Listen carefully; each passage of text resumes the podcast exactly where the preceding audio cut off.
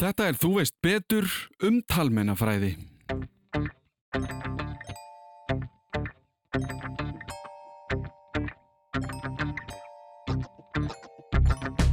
Máltakan byrjar við fæðingu. Það þarf ekkert endur alltaf að setjast niður með þeim. Hver núna ætla ég að tala við, núna er tíminn sem ég ætla að tala. Heldur þarf þetta að gerast í gegnum bara daglega rútínu. Við erum strax gýruð þegar við fæðumst í að, að byrja að greina með hljóða. Við þekkjum á sko rattir. Í dag ætlum við að kafa örlítið ofan í viðfangsefni sem snertir okkur öll. Því öll tjáum við okkur á einhvern hátt. Hvort sem það er með tali, höndum, augum eða hvernig sem það er. En á árum áður var kannski venjan að ef að barn átt í erfileikum með tal eða tjáningu þá var auðveldast að flokka það bara sem vittlust eða heimst. Í dag höfum við sem betur fyrir þróa með okkur skilning á því að öll er við mismunandi og þurfum mismikla hjálp við allskins hluti. Og þar komum við að talmennafræði og hvað hún getur gert fyrir okkur. Hvernig er best að hjálpa barni að læra að tala og tjá sig til dæmis? Ég fekk til mín Kristínu Theodóru Þóransdóttur, talmennafræðing sem útskýrir fyrir okkur hvað það er sem talmennafræðingar gera og hvaða verkefni þau geta fengið til sín. Við byrjum eins og alltaf á kynningu frá viðmannandanum sjálfum.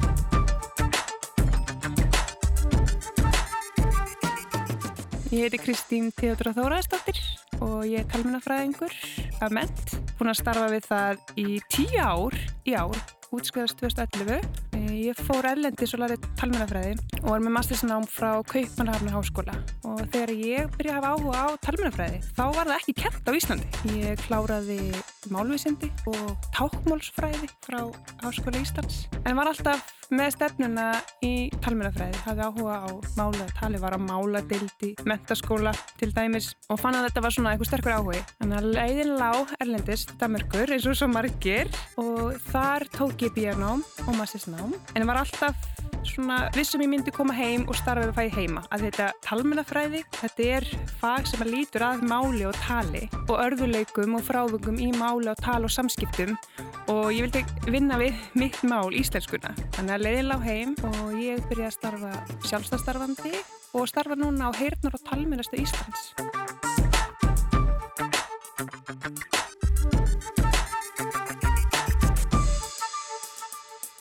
talmennafræði byrjaðurinn meira svona rattsmeinafræði. Það voru uh, einstaklingar sem hefði áhuga rattmeinum, þessi rattvandamálum. Það er svona hófsta, svona í alþjóðlegu samhengi. E, fæðið á Íslandi er, uh, það voru talkennarar sem að byrjuðu að sinna börnum með frávik í, í mest talið og framburði og við getum alveg horta aftur til 1950 eitthvað. Svona fyrstu talkennar byrjuðu að starfa á Íslandi. Svo svona byrjuðu að bætast eitthvað við og þetta voru talkennar sem voru að menta sér svona sérkennslu erlendis sérstaklega í Skandinavíu og komið til Íslands og voru að kenna Svo er það talmenna fræði sem er, sko, ennskórið er speech pathologist eða speech therapist.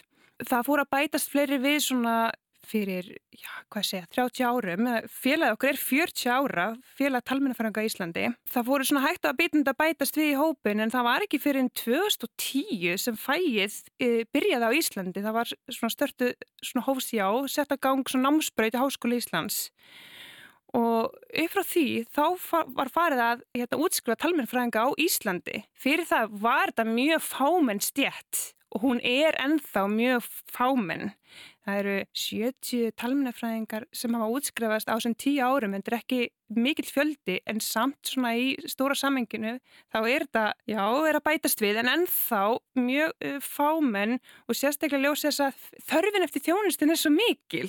Þannig að uh, við náttúrulega bara fögnum því að það sé alltaf að bætast í hópin. En þú segir að félagi er að vera 40 ára í ár mm.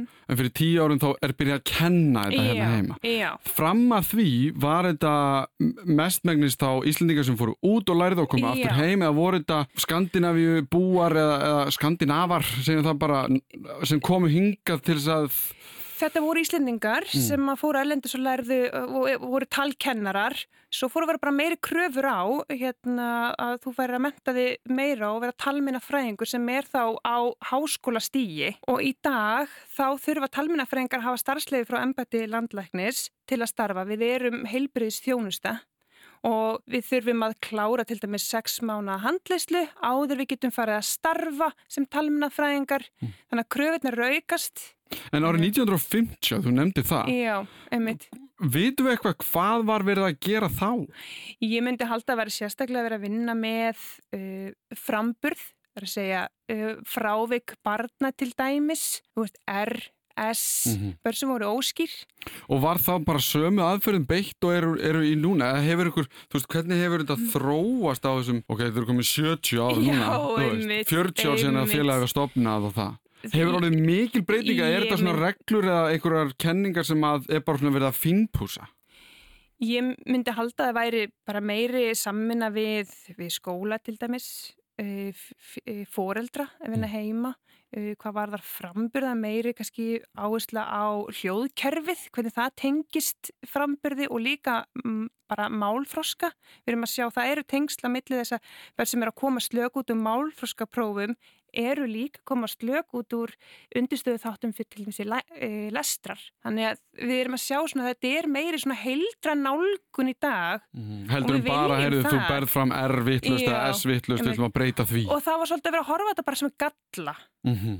að hérna náðu fyrr. Við viljum ekki vilja sjá þetta svona galla. Mm. hérna, Heldum við því samt alltaf að við gætum, og ég nota ekki að laga þetta? Þú veist, var þetta alltaf litið á þetta sem einhver hluti sem væri hægt að bæta eða eitthvað? Ég held ekki, það var bara, það voru svo fáir að starfa við þetta, það var bara ekki aðgengi að þjónustu og vittnaskjan mjög takverkuð. Mm -hmm. Þannig að ég myndi segja að það væri ekkit endilega að, þeim tíma, mm -hmm. nú er bara meiri, við, er, að við erum að vera stærri hópur, við erum að e, ná til fleira fólks og auka svona e, meðvitið um Um, að við getum komið inn og aðstúað og verið í samfunnu við bara skóla um hverju og leyskóla um hverju við við, við, við erum í samfunnu við heilsugæslu, hvað var að snemtaka ílundu barna sem er að koma sein út til átjámanarskoðun mm -hmm. og við erum að breyðast við því. Þannig að það er margt sem við erum að gera við erum að breyðast við ykkur sem að áður fyrr hefði verið ekkert. Mm. til dæmis eins og bara heyrnaskerðingu börn sem að fæðast fyrir að fara í fymdagi heyrnamælingu það er árið 2007 þá, þá, þá byrjuði nýburamælingar við verðum að hvað er það? Svo, já ekki börn, sko, ég veit ekki alveg hvað það já, þýr það þýr að við erum að skema fyrir því hvort að börn sé með eðlilega heyrn.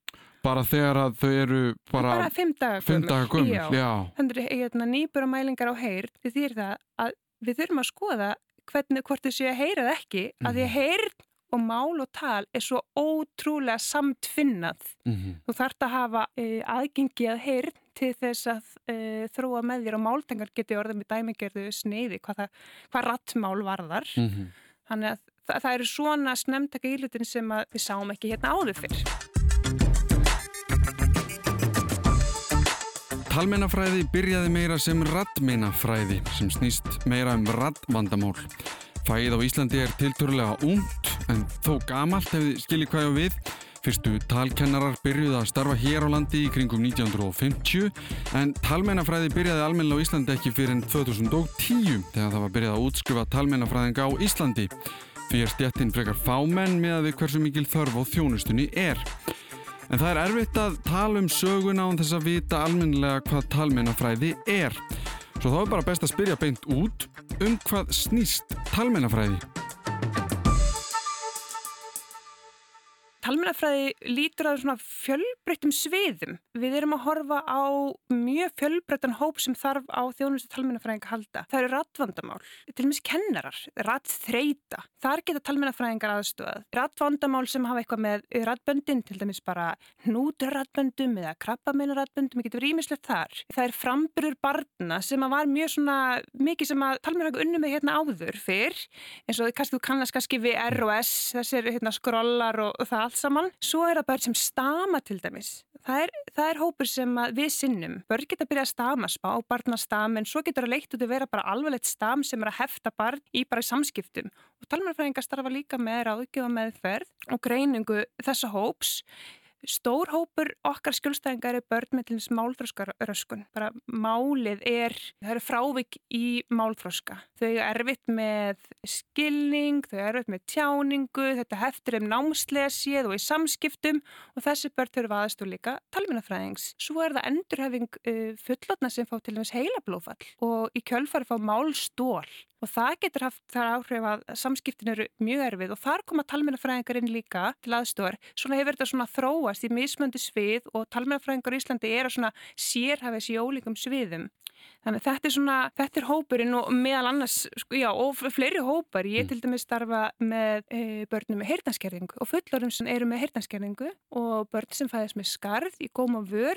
Þarna eru koma talmennafræðingar inn í, í teimum og starfa með fóreldrum, Mm. starfa með fagaðilum í að aðstóða börninni að ná tökum og færni sem vantar upp á. Þannig þetta er fjölbreytur hópur. Við sinnum sérst, því sem lítur að tali og máli Mhm. Þú veist, og þá, helst, þá vorum við að tala um frávik þegar eitthvað er ekki að til dæmis eins og með málþróska eða, eða er ekki alveg að hérna, máltakan er til dæmis ekki bara með dæmigerðu sniði þá þarf að fylgjast með þessum börnum Mhm.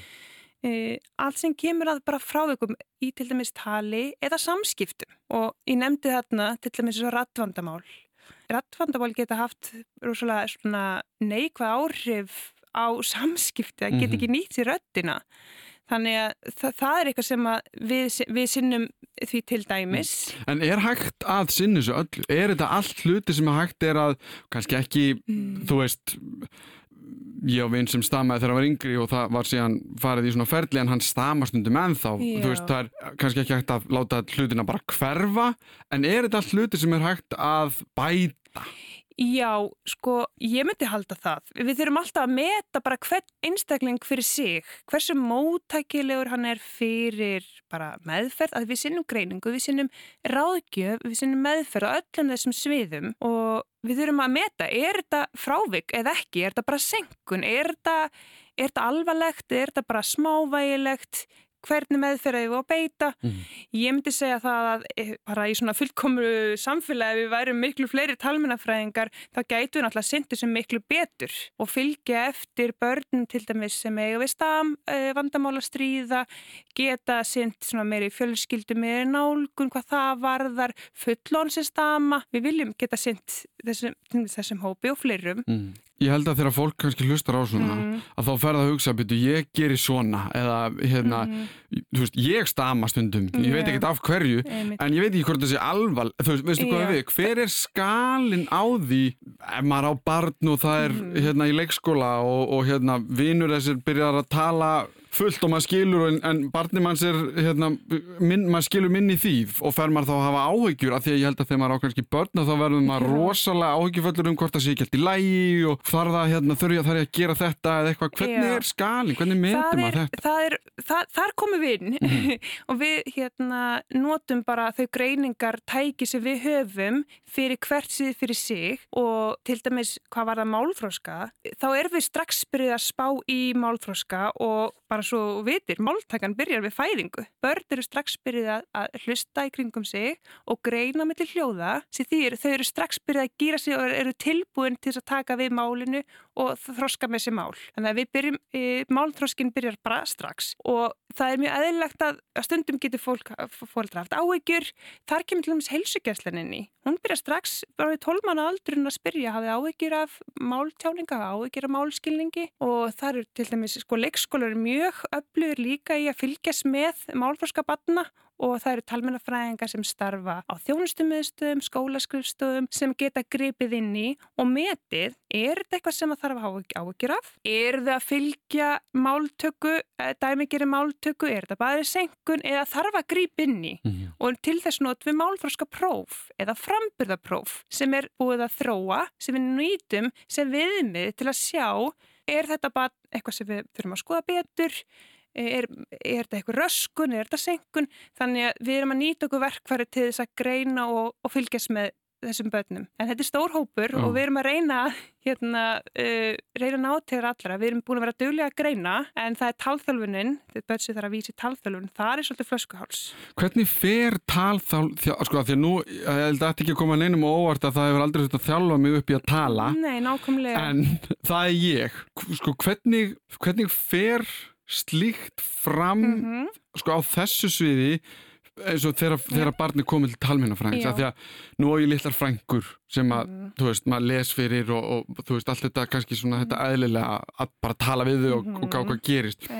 Uh, af því hún nefndir heyrnina, Já. sko, og ég er svo áhugasamur um hana og Já. hvað hún er verðmætt. Mm nú- svo ég tæki bara svona persónlegt Já. ég var búin að vera í vandræði með hérna, til þess að vera í skóla Mhm, og eitthvað sem 33 ára fór ég að ADHD-greiningu mhm, þá kom ég ljós, ah ok, nú komin einhver útskýring á því af hverju þetta hérna var kannski ekki Mhm. alveg að ganga eins og mhm. við vildum eða við heldum að gæti gert ok, er partur af því að ef að barn eða bara hver sem er í raun, kannski meira barn í þessu tilvilli, uh, kemur og er með framburðar Mhm. vandamál eða uh, talgalla eða eitthvað slíkt þurfið þið þá að aðtuga, ok, verðum við ekki að gá hvort að við finnum rótina að það er Mhm. ekki bara eitthvað svona, herði, það sem við sjáum bara fyrst Já, við þurfum að gera það. Mm. Það er mjög mikilvægt við séum að vinna svona heildrænt og að skoða svona alla þætti.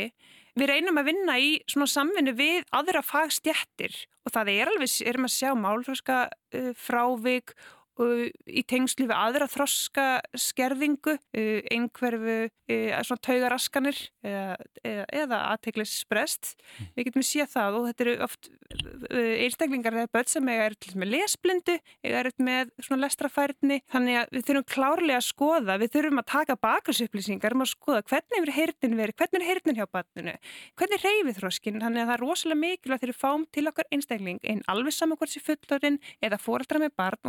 hvað það er, stam, rattandamál, uh, snemtaka íhlutun, hvað var þar, málþróska, frambera frávika, þurfum alltaf að taka bakgrunnsupplýsingar, Mm. skoða hvað, hvaðan er barnið að koma og hvaða færnum það hefur og hver eru veikleikanir til þess að geta meti barnið. Og við, við tökum saman þessu upplýsingar og við hérna, miðlum þeim áfram og, og að þú spyrir um talþjálfun mm. þess að segja frá því. Mm -hmm. um, þegar að barn til dæmis við tökum bara barn sem er með málþróska röskun með mikla og, veikleika og það í máli. þýðir þá að bara þá að, þá er, þá, er, þá er barn að koma veist, út frá greiningu svona slagt út, það er vel fyrir neðan meðal getu uh, aldurs, uh, jafnaldra. Já, bara í því að tala Já, um, við erum að tala um mál, það getur verið skilningur, skilningur setninga, það getur verið uh, hvernig það er að tólka, tólka fyrirmæli eða fara til fyrirmæli, við erum með, við erum með málfræskapróf sem er að henda ákveðnum aldursópum. Uh, við erum ekki með sama málfræskaprófi fyrir tveggjára og fyrir sjö ára eða átt ára. Þannig að við leggjum fyrir málfræskapróf til að fókus á hva, hvað eru styrkleikarnir og hvað eru veikleikarnir í málkerfinu. Og málkerfið er rauninni innihaldið, það er að segja hugtakaskilningur, orðaforði e, og svo er það svona formi, það er frambörður og tal og málfræði og svo erum við með málnótkun, hvernig barnið er að nýta sér máli félagslegum aðstæðum. Þannig að við þurfum að skoða hvernig er málkerfið og hvað eru veikleikarnir og hvernig getum við nýtt þessar upplýsingar, bæði til ráðgjafar til fóreldra eða hvers sem það er, e, til þess að geta sett markmið, markmið um það hvernig eigum við að styrkja þessa færni sem þarf að, já, íta Mm. undir. Mm. Það getur verið til dæmis eins og við erum að, e, það getur verið e, lengri setningar, bara sem að hérna er tveggjara eða, eða hvað þá bara aðeins eldra, fjögur ára og það talar bara mjög stutt um setningu. Þetta sjáum við á börnum sem eru með veikleika í máli. Það er erfitt kannski með að fara eftir fyrirmæl, það skilur ekki svona hugtök, uh, afstöðhugtök, undir, ofan og til hliðar. Um, þetta er bara orð sem við erum að nota í málinu og skipta, skipta miklu máli að við skiljum. Það kann ekki alveg litina, það, það þekkir ekki svona lýsingar, lýsingarorð, uh, stór, lítill, getur verið. Þannig að við erum bara að vinna þetta og við sittum í barninu og við erum með fóreldra með okkur. Þetta snýst líka um það að fóreldra geta farið heim og unni verkefni heima og haldi áfram að styrkja þessa færni sem við erum svona að leggja áherslu á. Þannig að þetta er, þetta er svona í stuttumáli þess að við en gerum. hvað er, ég veldur svo mikið fyrir mér á þess að maður hljóma eitthvað svona kaldur sko, Mm en hvað er vandamálið? Ef að bann Já. er til dæmis á við svona Já.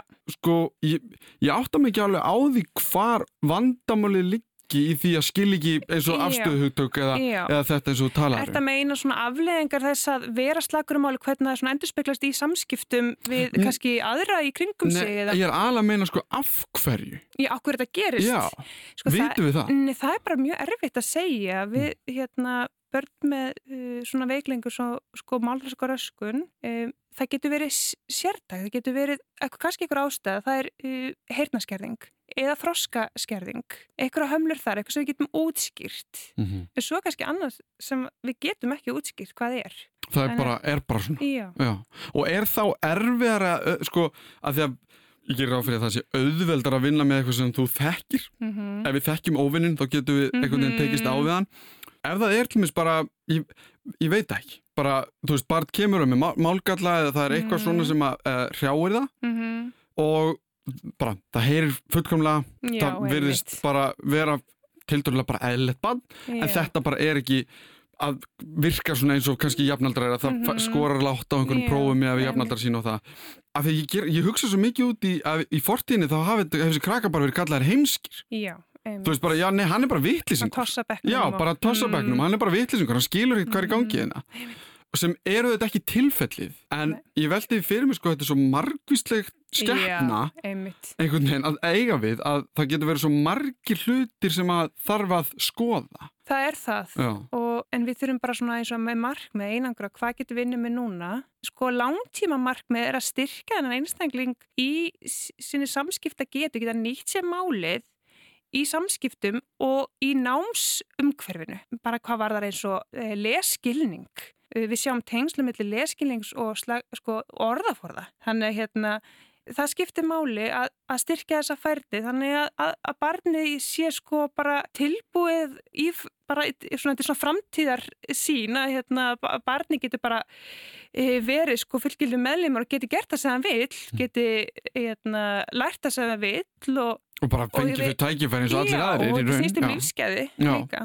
nákvæmlega Þannig að, það er kannski spurning sko ef að ef ég ætti bann mhm, og ég væri rosa ég væri með þetta tóldi mikið svona á heilanum mhm, bara ég vil tryggja það að ég sé ég vil tryggja það að ég ger mitt besta Já, ég hjálpa barninu mínu einmitt. í að bara vera svona ég vil ekki að barninu mitt verða eitthvað ofurbarn en ég vil bara hjálpa því eins, mikið og ég Já. get einmitt. hvað er, sko, af því að nú er bara þetta eðlilega, lesa fyrir börnin Mhm, tala við þau Já, og eitthvað ég, eins og ég segi, ég á ekki barn en ég veit ekki hvað meira það getur verið en er einhverja svona leiðir sem að þið leggir til sem eru bara, herðu ef þið hafið áhuga á þessu og viljið hjálpa barninu sem Mm. Já. mest er einhverja leiðir sem eru bara, gerið þá þetta Já, klárlega. Já. Bara takk fyrir að spyrja þessu. Ég var alveg vonast til að þú myndi gera það. ok, Að því að ég, hérna... ég er að reyna að læra sjálfur Já, einmitt, þú verður bara alveg tilbúin þegar þú. Við, eitt af okkur litur er að ráðleikja fóreldrum. Það er bara full sem fóreldrar er að gera. Veist, barn þarf ekki að hafa svo mikið fyrir því. Veist, það er bara, eða bara eðlilega máltaka, allt í góðu, þá, hérna, þá eru þú oftast bara að þróa málið og dæmigeran hátt. En, en það þarf tvo til. Mm. Barni getur ekki verið eitt og hérna lært málið. Það þarf, það þarf fyrirmyndir, það þarf ekki að vera í samskiptum. Og það sem hún nefnir með, með lestur, lestur er alveg mjög dýrmætt leið til þess að ebla málþróska og bara eitthvað sem að fóreldrar ætti að gera á bara hverjum degi. En, alveg frá byrjun bara að, sko bara frá unga aldri, já, en það er gott að huga að það skiptir kannski líka máli hvernig þú lest fyrir barnið. Eitt af því dýrmætasta sem þú getur gefið barniðinu er orð. Að leggja orð á hluti og vera í samræðum, fram og tilbaka samræðum og það getur þú gert í gegnum lesturinn. Þú ert að gefa þeim orðin en þú ert líka að spyrja, spyrjað út í innihaldið, skapa samræður. Þetta ping-pong á milli, ég er að tala með eitthvað hlut, barni bregst við því, þú ætlar að bregðast við því sem barni segir með orðum. Þannig er að skapa samræður og samræður er eiginlega með því mikilvægt sem þú getur gert í málörfin. Og til dæmis bara að nýta tækifærin sem gefast í svona daglegri rútínu. Að því að ungbörn, það þarf ekkert endur alltaf að setjast niður með þeim. Ok, Núna ætla ég að tala við, núna er tíminn sem ég ætla að tala, heldur þarf þetta að gerast í gegnum bara daglega rútínu. Þegar það er verið að borða, þegar það er verið að fara í bað, þegar það er verið að klæða sig, þegar það er að fara að sofa, þá eru bara svo fárlega mikið að tækifærum fyrir foreldra að gefa þið málið, svona baða svolítið í málinu, þess að þú segir tala mikið, en að bregðast líka við sem barn er að segja, það er rosalega mikilvægt. Þannig hérna... Mér líður pínu sem þetta sé svona eins og þegar ég er að tala við kettina mína heima. Já, Þegar ég er bara eitthvað heima og er einn og er bara eitthvað já, já, bla, bla, bla, eitthvað. Og þau byrja að svara. já, einmitt. Það er veginn, mér líður, af því að unga, ég er ekki að bera börn saman við ketti en svona unga börn sem eru svona pínu bara eitthvað í sínum eigin heimi að vera svona röfla við þau? Já, nákvæmlega, bara bara til að örfa heyrnina og þetta er röddin í mér og eitthvað? Já, þú getur byrjað strax, fóreldrar byrja strax að svona kjáti barnana sinna og þannig veitur þú svona, uh, byrju til á að barsins á að svona fylgjast með þér, þú ert að brosa, það brosi tilbaka. Þetta er rosalega mikilvægt strax frá byrjun. Þetta snýst um sko magnið, hversu mikið þú talar, það, það er nöysilegt. Þú, þú talir mikið, þú veist, nýtaðir þegar þeir eru á leiðinu skólan að hérna,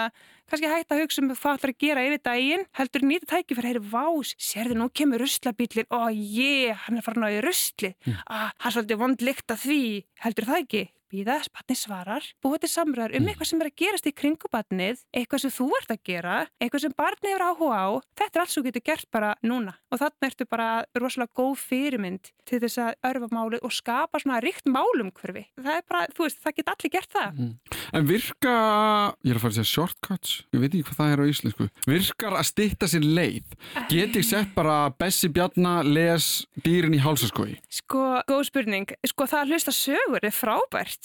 En það er um, náttúrulega ekkert, bak, það er ekkert fram og tilbaka. Nei, þú ert ekki að fá svona feedbackið. Ég myndi segja þetta, þetta, þetta svona fram og tilbaka samræður sé svona mjög svona sterk málörfuna leið og það er að gera það hvernig sem er en auðvitað er gamanlega tónlist og sögur og allt það mm -hmm. en að tala um það sem þið er að hlusta á, tala um það sem þið er að lesa, það er alltaf svona sterkara, mm -hmm. myndi ég segja.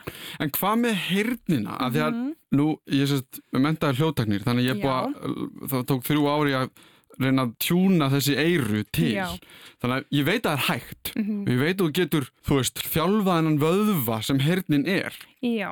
þetta skilningavitt sko segjum svo svo að, að við erum búin að tala um málið að mm -hmm. tala á þetta en að því að þú nefndir í byrjun rattböndin hvernig röddin á okkur mhm. er mm -hmm. um, og líka síðan hernina að því að hernin mér líður eins og hún sé bara eins og þú getur þjálfað hana ef hún er í lægi en ég, það sem ég hrættastu við nánast í öllum heiminum er að missa hernina Já, að því ég hef svo gaman í tónlist já. og öllu þessu doti og ég veit að það er ekki hægt að ef hún byrjar að hörna að þá er rosa erfitt að þú veist, þú færið hann ekki aftur. Það er nefnilega þannig. Hvernig vinnum við með fólk sem að einmitt, við mismikla heyrn eða heyrir bara ekki neitt Já. Og af hverju er það rétt að ef þú ert heyrðinlaus að þá settu líka mállus? Hvernig virkar það? Já, bara ég... Þetta er svo mikið spurningum, fyrirgeði.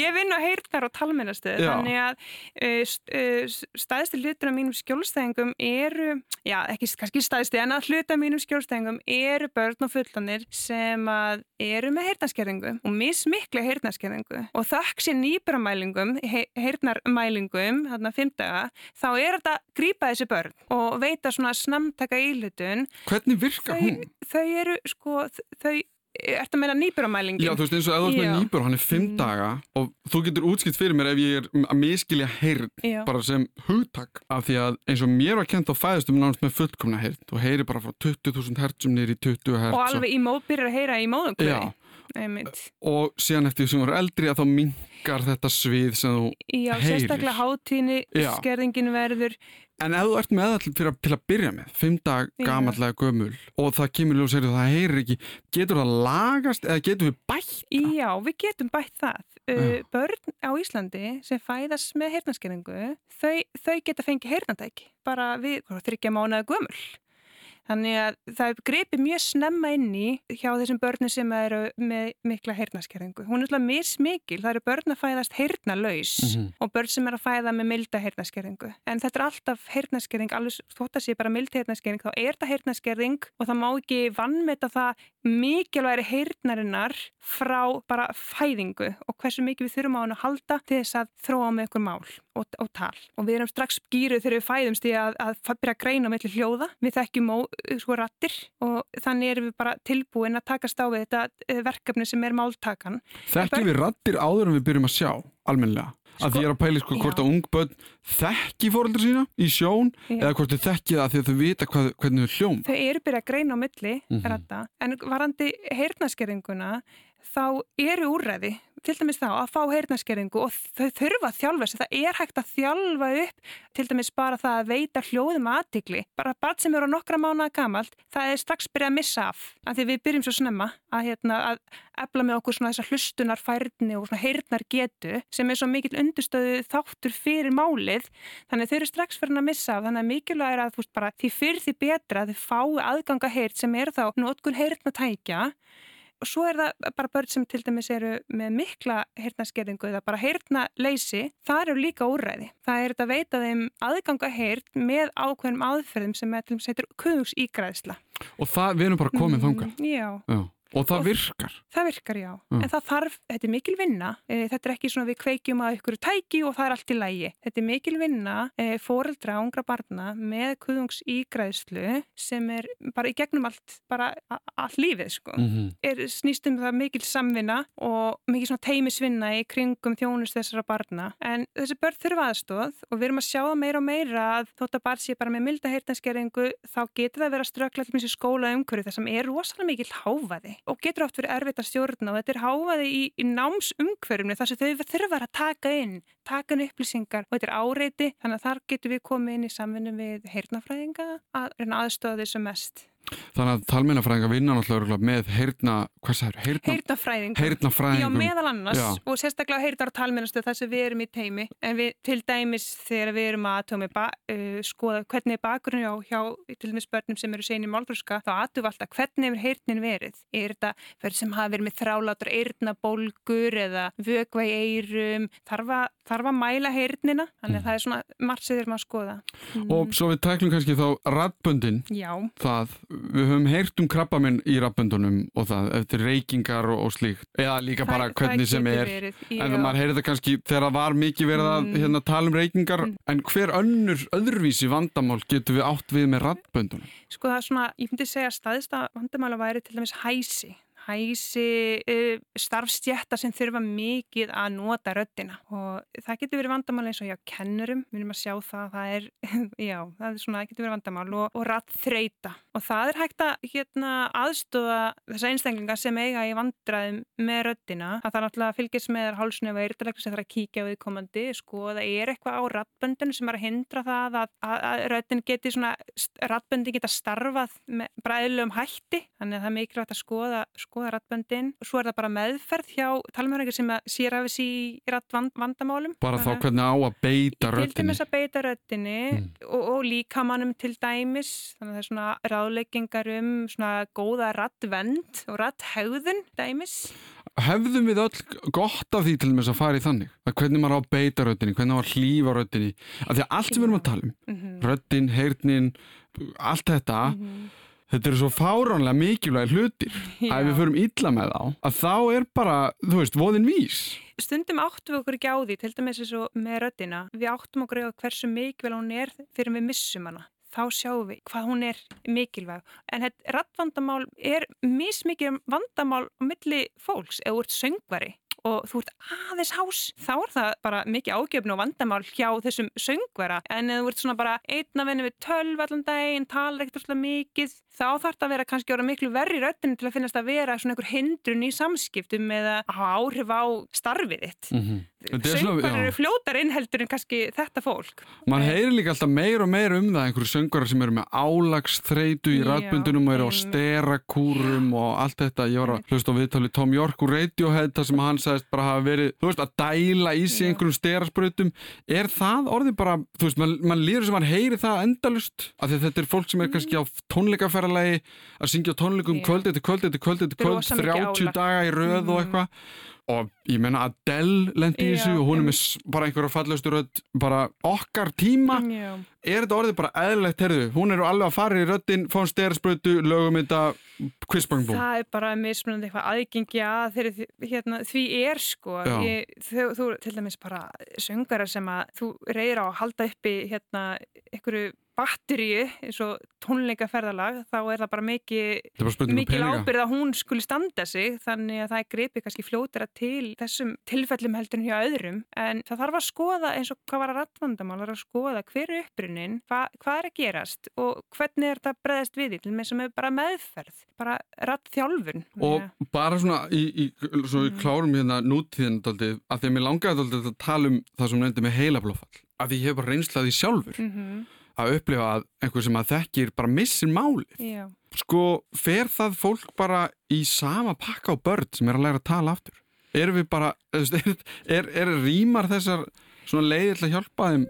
Sko um, þegar við tölum um málið þá tölum við um svona postlinguistik þar að segja máltakan, þú ert að læra málið, svo er það hérna, eh, pre-linguistik og post, það er svona máltakan og svo ertu búin að læra málið, sko aðferðnar eru ekki saman, þetta er fullur fólk sem er búið að læra málið, þannig að e, nálgunin er ekki, ekki eins, en svo fer það bara eftir tilvikum hvernig málstól viðkomandi er með.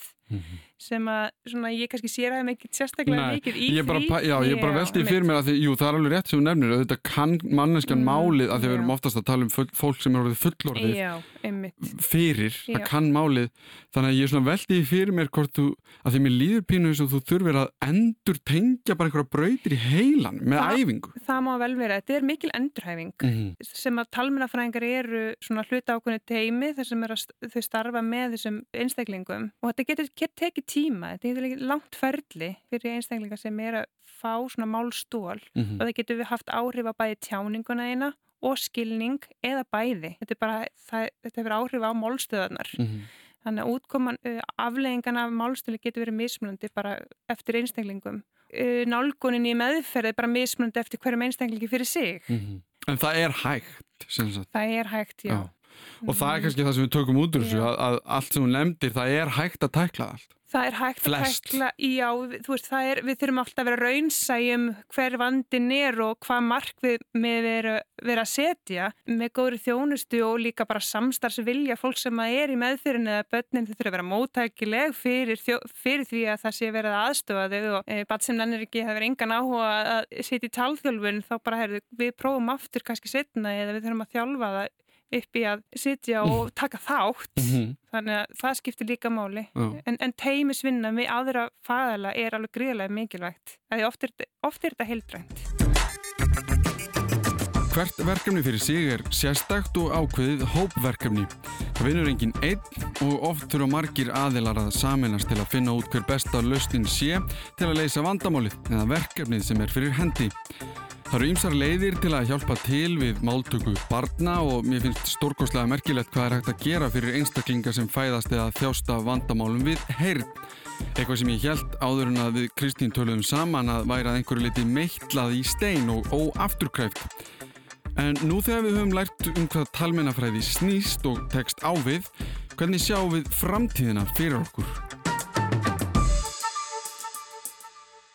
sko tækni nýjungar í bara til dæmis í nótkunni óheðbundum tjáskiptaleiðum, mikið að tæki færum þar, e, fjárþjálfun það er eitthvað sem við erum að veita núna miklu meira mæli heldur en áður mm -hmm að reyna að ná til fleiri skjólstæðinga bara gegnum, gegnum tölvuna. Það er eitthvað sem við sjáum fyrir okkur getum nýtt að ykkur mæli.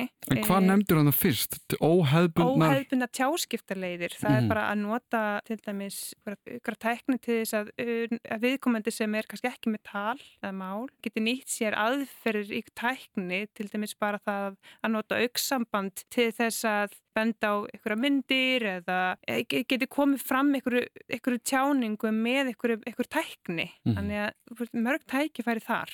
iPadar til dæmis. Ekki það ég sé að, hérna, að íta undir skjánótkun barna sem er náttúrulega orðin rúslega mikið líka. En sömu tilfellinu er hún bara nöðsynleg ef hún sko, getur hjálpað. Hún, já. Hún þetta er hérna- ekki bara skemmti eða afturrengatæki, þetta er líka getur já. haft margislegar verkanir. Sko.